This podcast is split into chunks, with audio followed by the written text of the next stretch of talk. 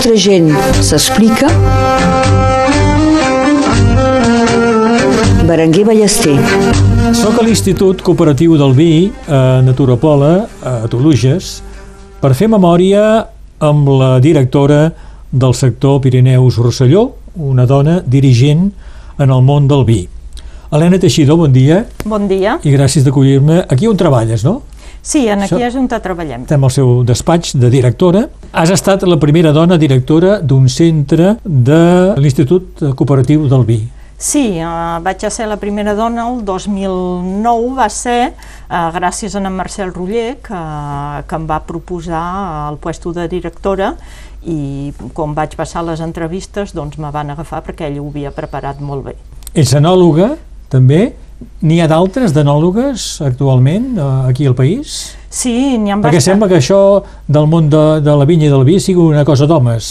No, ho va, poder ho era al principi, Sí? però les dones catem molt bé, tenim Sí. una percepció diferent, suposo, dels homes, i el conjunt de tot això ha fet que el departament és més endavant. No, quan jo vaig començar ja n'hi havia dues o tres, hi havia la Madalena Forquer, que tenia Sí. un laboratori, treballava la Brigita, i treballava també la, la Cristina, que ara és la Cristina Dornier, Sí. ja eren algunes dones que treballaven. I dius que les dones cateu diferent? Les Que els homes? Sí, Sí? les dones suposo que perquè són molt sensibles a tot el que és perfum, a tot el que Ah. és cuina, encara que ara els homes també s'hi posen, però suposo que tenim una manera diferent de veure la, les coses. Bé, parlarem de, de tot això, del món de la vinya i del vi, del que et va portar a fer-te enòloga, del teu recorregut professional fins a dirigir aquest Institut Cooperatiu del Vi Pirineus eh, Rosselló. Helena Teixidor, parlem de les teues famílies, és a dir, del costat pare i costat eh, mare. De fet, els dos són del Baix Empordà. Sí, Eh? tots dos són del Baix Empordà. El meu pare és de Palafrugell i ell tenia família que treballava en vinyes. Encara que ells no hi treballessin, però tenia una partida de la seva família que treballava en vinyes i encara tenen celler, ells. Després la meva mare és de Palamós, però ha viscut sempre al Bons. El Bons, que és... Eh, El Bons és el límit, és el primer poble del Baix Empordà. D'acord. Mhm. Ara els tens tots dos jubilats eh, al Bons. Sí, tots, eh? tota la família la tinc de fet al Bons, Sí. tant del cantó del meu marit com del cantó meu. Només estem aquí a França, ara hem quedat el meu fill i jo. Ja veurem després que l'Helena Teixidor va néixer a Perpinyà, eh? Sí, jo soc que- nascuda de Perpinyà. Sí, sí. El teu pare va ser ferrer. Era ferrer a, a Palafrugell? Uh, sí, ja ho era a Palafrugell, treballava a pals, uh, des de molt jove, eh? em sembla que tenia 14 anys, ja s'ha explicat, i anava a treballar en bicicleta a pals des de Palafrugell. I després va venir a treballar a Sant Llorenç de Cerdana. El van venir a buscar per anar a treballar a Sant Llorenç i de Sant Llorenç el van venir a buscar per treballar a Perpinyà. Sempre de ferrer, doncs. Sempre ha treballat de ferrer i després es va instal·lar pel seu compte com a artisan amb un soci. Era un bon ferrer, doncs. Era un bon ferrer, sí, estava reconegut com ferrer Sí. i ho està encara reconegut, eh? Anar, a, tot Ah, i sí? estar en el retiro, ha fet Ah. formació per gent jove del poble i els ha ajudat molt. I per ell, esclar, calia venir amb la dona. Va dubtar de venir o no? Uh, ells ja es van conèixer aquí a Perpinyà, eh? no els coneixien Ah, els meus ah, no els pares, coneixien van encara. conèixer a Perpinyà en els balls que feien al, al centre espanyol, me sembla que se'n deia. Ah, d'acord, el ell va venir solter, doncs. Ell va venir solter i la meva mare també, i es van conèixer aquí. Quan el criden de Sant Llorenç de Cerdans, vol dir que ja el coneixien. No sé ben bé com va anar, però sé que el van anar buscant allà on te treballava, en el taller de pals, Sí. perquè eh, eh, treballava bé, coneixia bé l'ofici i que com que era jove es devien pensar que, que li agradaria també canviar. I de fet, què feia ell com a ferrer? Ah, feia coses molt maques, sempre. Nosaltres sempre veiem que, que feia balcons, feia reixes, també feia portes, mm. nosaltres veiem això perquè li agradava molt dibuixar i encara ens ha fet molt de mobles, moltes coses, llits, coses artesanals, i té la, la filla del seu soci que està tot encara instal·lada aquí, que fa ferroneria d'art i també fa portals i coses, que és la Sílvia de Besac. el teu pare finalment es va instal·lar per compte pròpia Sí, a Perpinyà, no? Sí, sí, sí. Al final, quan el, quan el patró va agafar el retiro, ell es van instal·lar amb el soci que tenien. I on es van instal·lar? On va instal·lar el taller? Era allà mateix, en la rue Ah. Jean-Baptiste Lully, que és per allà al quartier de la Gara. L'avi Siset em parlava de bon matí al portal mentre el sol esperàvem i els carros veiem passar Siset que no veus l'estaca on estem tots lligats si no podem desfens-en, mai no podrem caminar si estirem tots. Ella caurà i molt de temps no pot durar.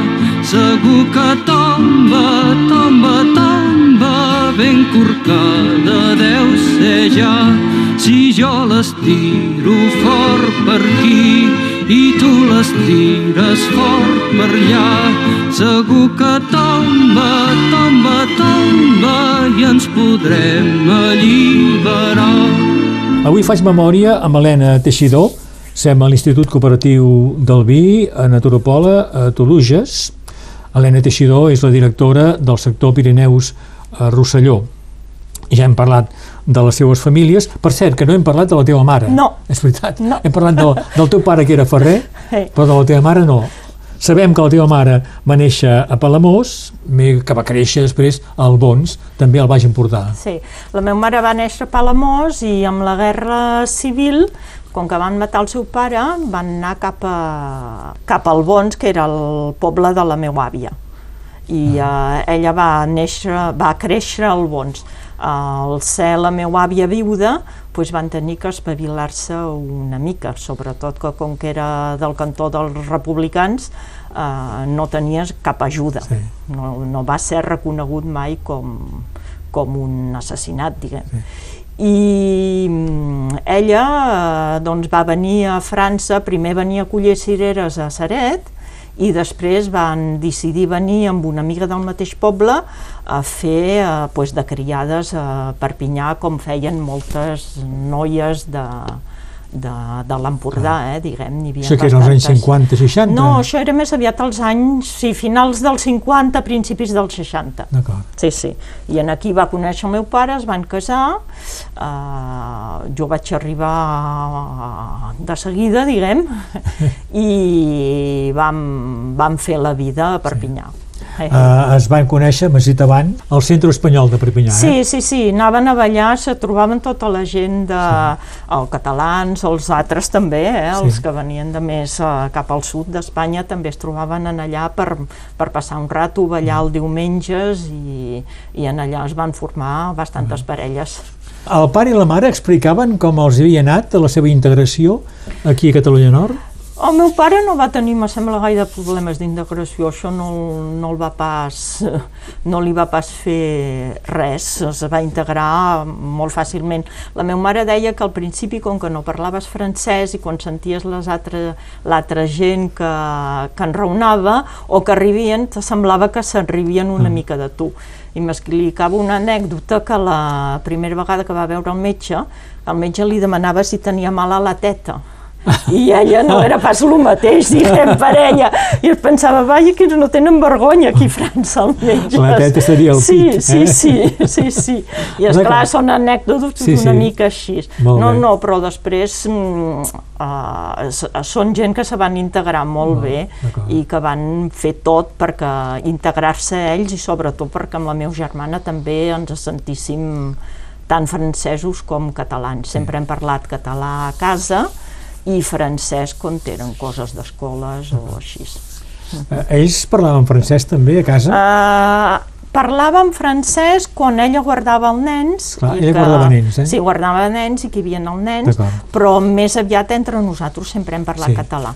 Es nota per l'accent que Sí. tens un català de l'Empordà. Sí, No? sí, Més sí. aviat. I més a més hem passat sempre les vacances a l'Empordà, o Sí. sigui que...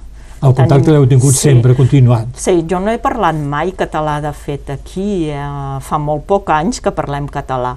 Jo tota la meva infància aquí a França era més aviat no, no et podies gaire, sí. ni al pati no parlàvem català entre no. nosaltres, perquè si no ens, eh, ens deien alguna que teníem que parlar sí. francès. Però hi vaig començar a parlar català a l'escola només al liceu. Hi havia classes de català? Hi havia classes de català, sí. D'acord. Uh, neixes a Perpinyà al 64, eh? Mm, la família s'està al carrer del Capcí. Sí. Al barri de Sant Martí. Sí. Eh? Mm -hmm. Doncs la teva escolaritat es fa prop de casa. Sí, a, a 5 minuts, el més lluny, que era el sí. Liceu Aragó, que estava a 5 minuts de casa. L'escola Juli Ferrí, el col·legi Jean Massé, també mm. a prop de casa, eh? Sí, sí, sí, ben bé a la cantonada. Com van ser aquells anys a, a Perpinyà, quan eres mainatge?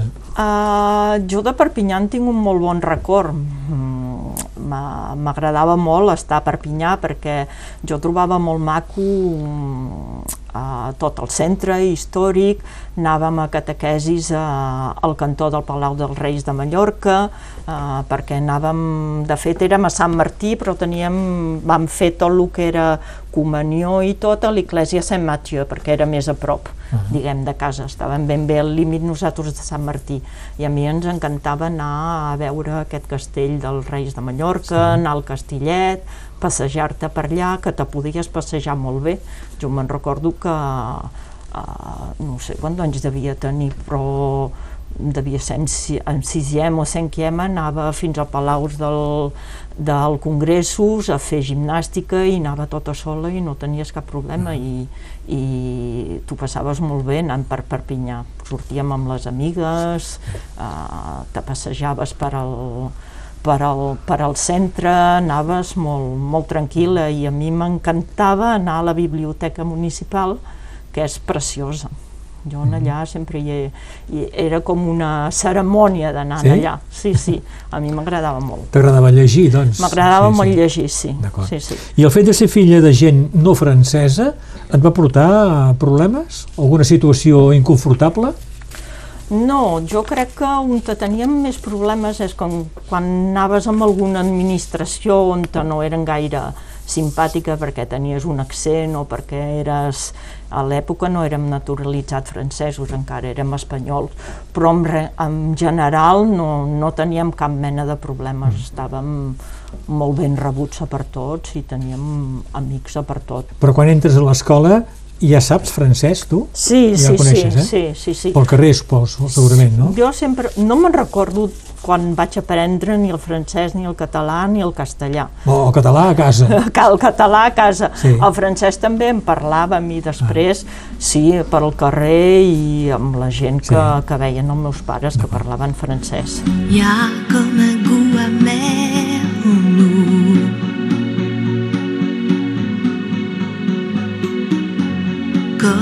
goût de poussière dans tout. Et la colère qui nous suit partout. Il y a des silences qui disent beaucoup.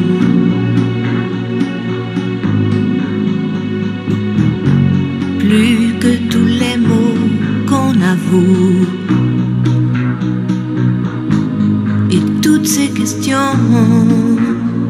qui ne tiennent pas de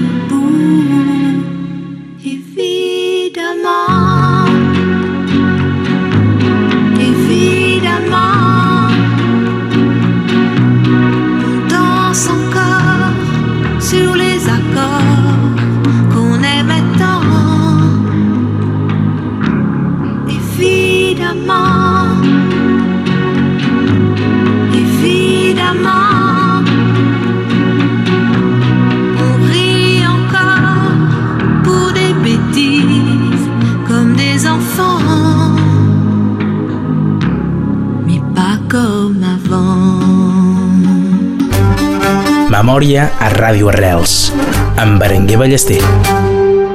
Helena Teixidor, hem dit Escola Juli Ferri, eh, Col·legi Jean Massé, Liceu Aragó, i després d'Aragó vas a la Universitat de Perpinyà. Sí, eh? sí, sí. Què vols fer aquí?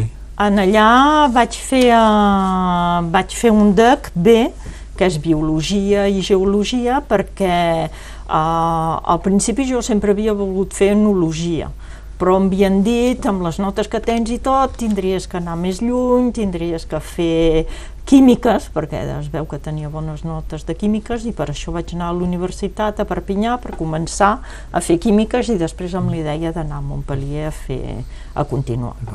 I ja de joveneta volia ser enòloga? Ho volia ser quan vam, quan vam acabar, quan vaig triar per fer al final de quan vaig passar el BAC, eh, ja ho volia ser-ho, però tenies que fer dos anys d'altra cosa. I després, com vaig dir que volia fer això, em van dir això, que, que Sí, tenia sí. que fer altra cosa. Però, Però- explica com una joveneta vol ser enòloga. Perquè Li interessa el vi, ja. a mi sí, a mi m'agradava Et ve de la família? Mm, tampoc no... Has dit que tenien vinyes a sí, casa sí, del teu sí, pare. però no, Ah. tampoc no, no hi havia anat gaire i tampoc no teníem gaire relació, si no era dues vegades per any o així. Però sí que estan, és més d'aquí del Rosselló, eh?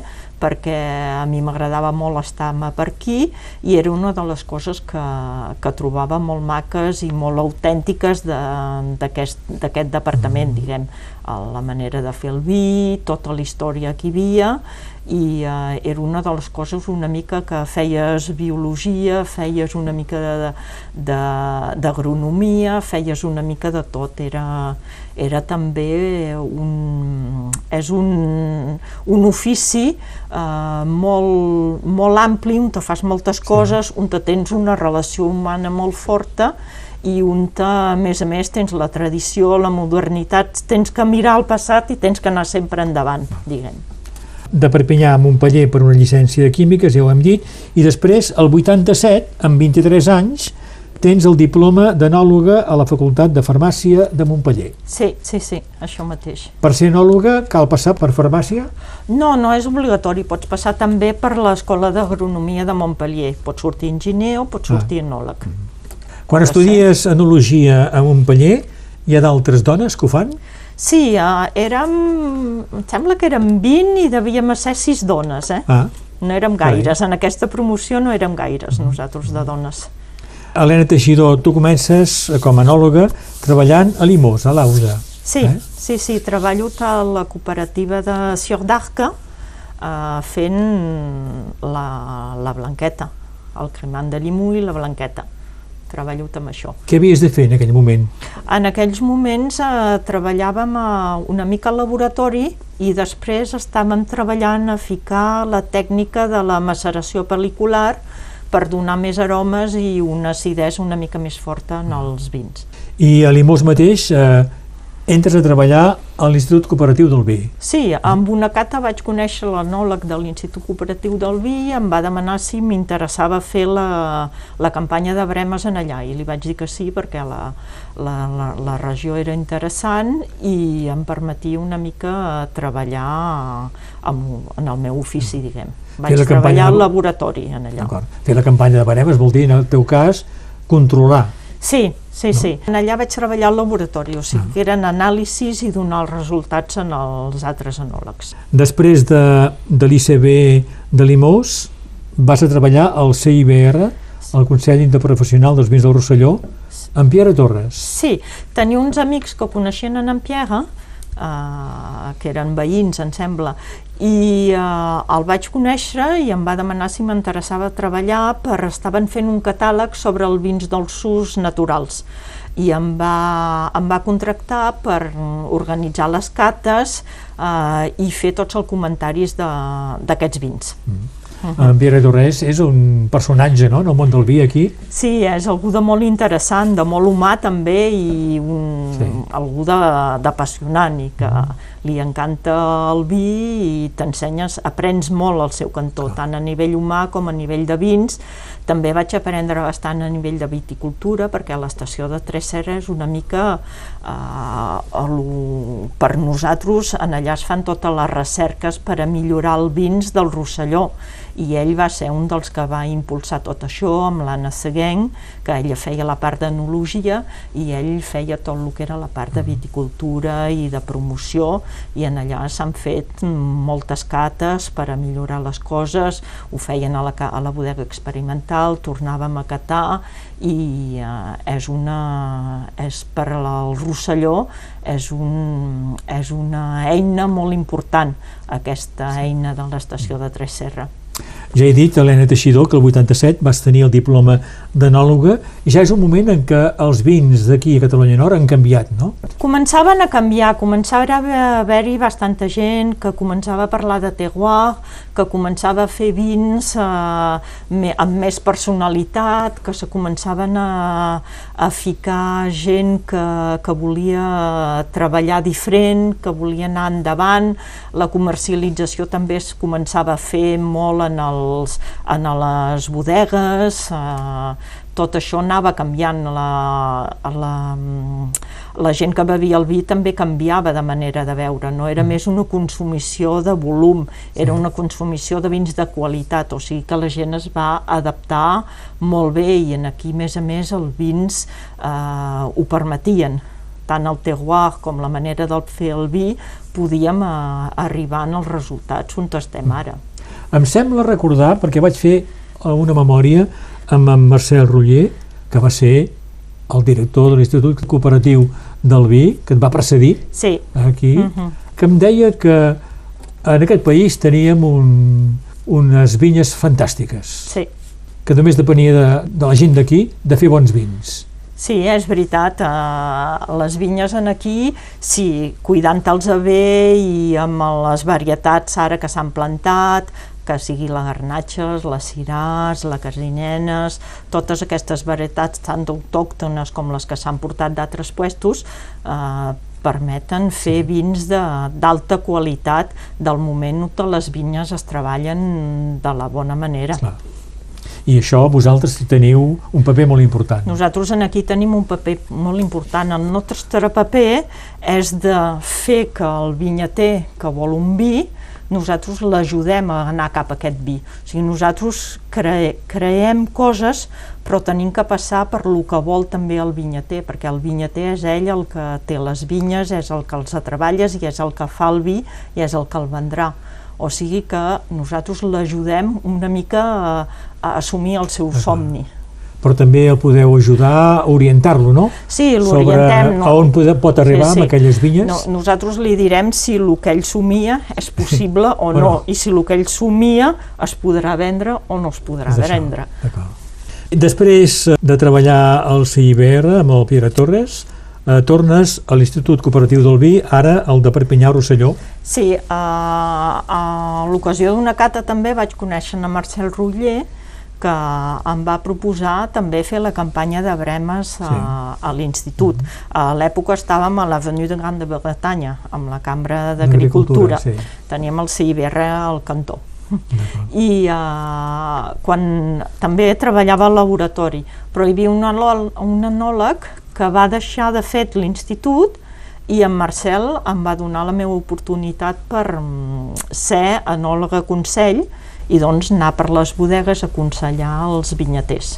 Però això va ser en Marcel el que em va fer molta confiança i és una cosa que, que trobar gent així és raro en, a, en aquest món. Sí. Él está por mí y por ti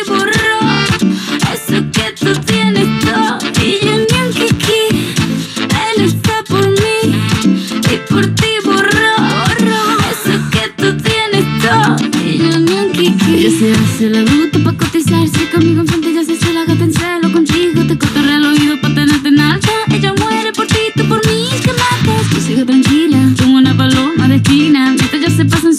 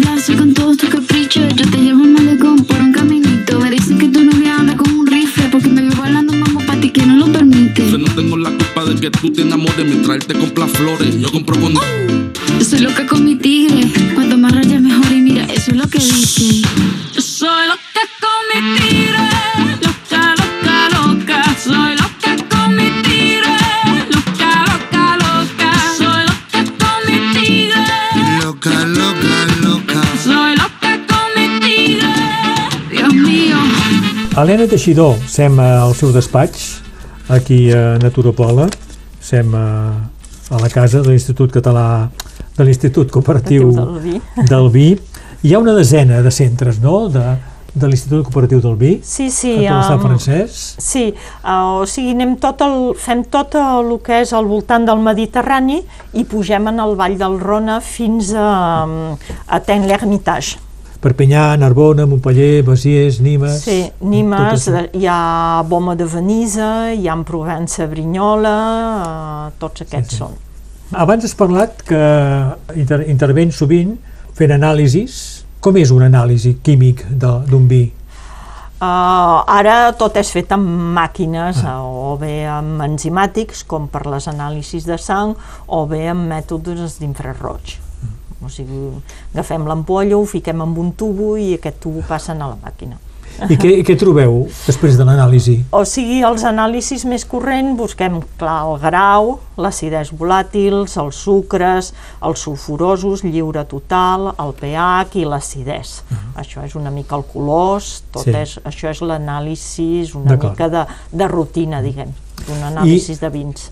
I l'Institut Cooperatiu del Vi, que de fet és una empresa privada, no? L'Institut Cooperatiu del Vi és una empresa privada que està feta per mm, cooperatives, que són els socis, diguem, i després també tenim bodegues eh, particulars. Què treballeu més, amb cooperatives o amb bodegues particulars? Uh, tenim més, amb número de bodegues, tenim més bodegues particulars. Sobretot sí. nosaltres en aquí en el Rosselló hem desenrotllat molt aquesta part de bodegues particulars, Mm. però també tenim cooperatives. En volum uh, seria més o menys uh, igual. I quan es tracta de, de vins eh, ecològics, vins bio, Sí. aquests necessiten una atenció especial?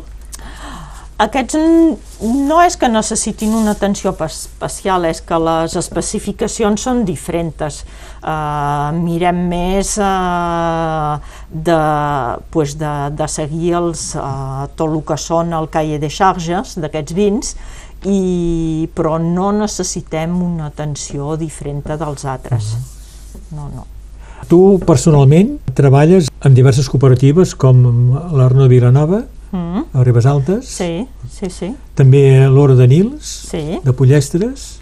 Cada persona que treballa aquí a l'institut té destinades unes cooperatives i unes bodegues? Sí, cada enòleg mirem de que sigui un sector ben definit eh, per tenir, eh, per tenir eh, tant bodegues particulars com cooperatives. Alguns en tenen més, jo sóc la que tinc més cooperatives, Sí. alguns tenen més bodegues privades i també mirem d'estar una mica repartit a tot el, a tot el departament, a l'Empordà i una mica al fitomarítim per també tenir una, bio, una diversitat de, de, de poder catar vins diferents i de poder intercanviar amb tothom. Perquè també treballeu a l'Empordà. També treballem a l'Empordà, sí. Jo amb en Marcel Roller vam desenrotllar aquesta, tota, aquesta, tota aquesta part de l'Empordà amb relacions que teníem. En Marcel va, va fer molt per desenrotllar el centre de l'ICV. Mm. Quan ell van començar eren molt poques cooperatives i sobretot molt poques bodegues privades que feien confiança a l'ICB. I amb ell, de mica en mica, hem passat a tenir quasi un 70% del mercat. Perquè eh, a Catalunya Sud tenen, deuen tenir centres similars al vostre. No, O a no? Catalunya Sud no ho tenen, Ah. aquesta, aquesta manera de funcionar. Tenen l'INCAVI com laboratori, que és l'Institut Català del Vi, i després hi ha pocs laboratoris privats. I l'Empordà en té pocs. Hi ha enòlegs, però que són enòlegs eh, sense laboratori, diguem, que fan consells sense laboratori. I moltes eh, bodegues i cooperatives ens aporten els anàlisis aquí a Perpinyà, perquè els és molt més senzill venir aquí Sí. que no pas anar a Barcelona. Esclar, sí. portar analítiques. l'Empordà, el Rosselló i també Amèrica. No? Ah, sí, també anem a fer consell a Argentina, a Xile, a... jo hi vaig una o dues vegades per any. I com és que els xilens o els argentins eh, us han demanat a vosaltres d'intervenir? Uh, tenim un conveni una mica especial amb l'Unió de Cooperatives d'Argentina perquè ells han vist l'interès d'un laboratori com l'ICV per ells i han desenvolupat una mica el que nosaltres hem fet en, a- en aquí en els anys 40 era que, vam, que l'ICV va, Sí. fer, va ser fundat i ells ho fan des de fa dos anys, estan fent això. Després treballem amb ells per fer una mica de, de consell amb elaboració de vins, amb, amb cates, treballem bastant amb això. I a Xile i a Argentina es fan bons vins. Sí, també, sí, sí, sí, sí, també es fan bones coses, és com a per tot, Sí. n'hi han de bons, n'hi han de menys bons, però sí, es pot dir que també tenen uns Però vull dir, també depèn de la voluntat que hi hagi en aquell moment, Sí, sí, en sí. aquell lloc. Això mateix, sí, Sí, sí, sí. sí, sí. No tenen la mateixa noció de terroir que nosaltres i crec que per nosaltres és una oportunitat aquesta noció de terroir i de denominacions que tenim. Looking out for a place to go. Where they play the right music. Getting in the swing. You come to look for a king.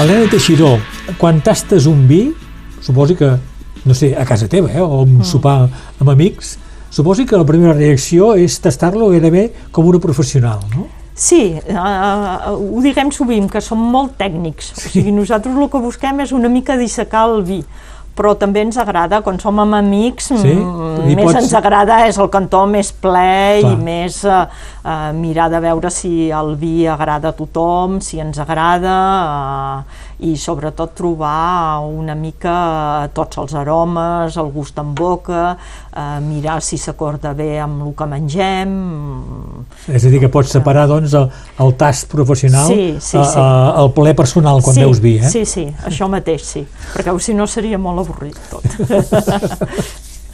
T'he demanat de bon començament què ha significat per tu el fet de ser dona en aquest món de la vinya i del vi, que jo em pensava que era una, un món molt d'homes, m'has dit que no, que això havia anat eh, canviant. Sí. En la vida de cada dia, ser dona per tu ha volgut dir estar sempre a la defensiva en algun moment o altre? O un esforç suplementari?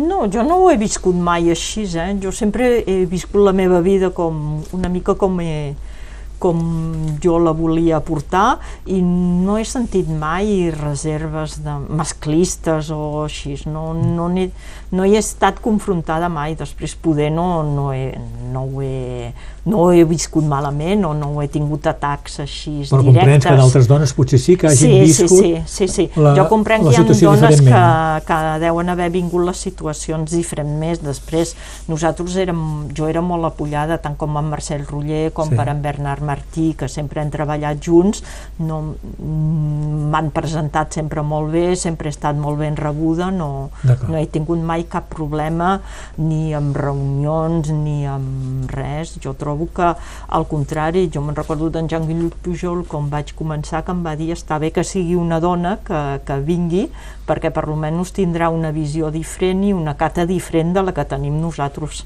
hi havia una, també unes ganes de, de canviar una mica les coses com eren i d'obrir-se a altres mètodes, a altres idees. Eh, crec que la, la regió va tenir una molt bona, eh, un molt bon comportament en aquest sentit. Doncs estàs convençuda de la bona aportació de les dones en el món de l'enologia. Sí, jo crec que sí, que hem aportat una, una mica un, un impuls nou, una visió molt diferent, sobretot amb Cata, Uh, crec que som molt més puntilloses, que mirem molt més les coses, que anem més al fondo en, en qüestió de cates i després també uh, en el nivell d'elaboració de, del vi eh, crec que hem aportat també una visió diferent de la que tenien els homes. Això de, de catar, esclar, depèn de, de la capacitat gustativa de, de la persona. El gust eh, es va millorant al cap dels anys? A- Aprenem, de fet, sí. Sí. estem en formació permanent, eh? nosaltres a nivell de gustos, a nivell de cata, catem molt i també a nivell de l'ICV tenim formacions eh, per catar altres vins, per evolucionar, eh, per mantenir-se al nivell i intercanviem molt entre nosaltres, catem bastant sí. també entre nosaltres.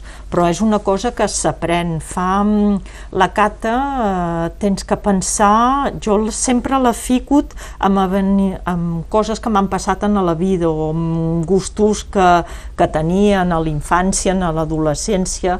Associes, de fet, un olor amb un esdeveniment o amb una, eh, amb una cosa que t'ha que t'ha- que t'ha deixat Ah, una sí? senyal. Sí. No tots sentim la matuixa de la mateixa De- manera. segur. Per alguns és la del jardí, per alguns és la, la grossa, per d'altres és la garrigueta, Sí. per d'altres pot ser la fresa tagada, vull dir que cada un, cada un la tenim que associar perquè tots puguem parlar de la mateixa cosa. Bé, arribem ja a la fi d'aquesta memòria amb Helena Teixidor, aquí a, a Toluges, al seu despatx com a directora de l'Institut Cooperatiu del Vi.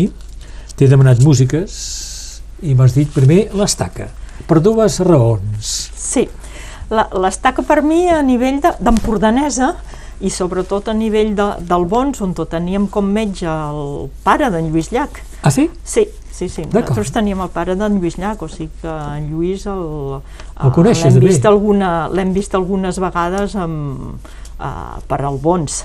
I per nosaltres l'estaca sempre ha estat pues, un, una cançó que va fer per la repressió que, que teníem a Catalunya en temps d'en Franco, i em va fer molta, bueno, no sé si gràcia, però em va sorprendre bastant que també l'USAP el tingués com himne i ells el tenen més a nivell esportiu per anar endavant, per lluitar, per, per guanyar, diguem.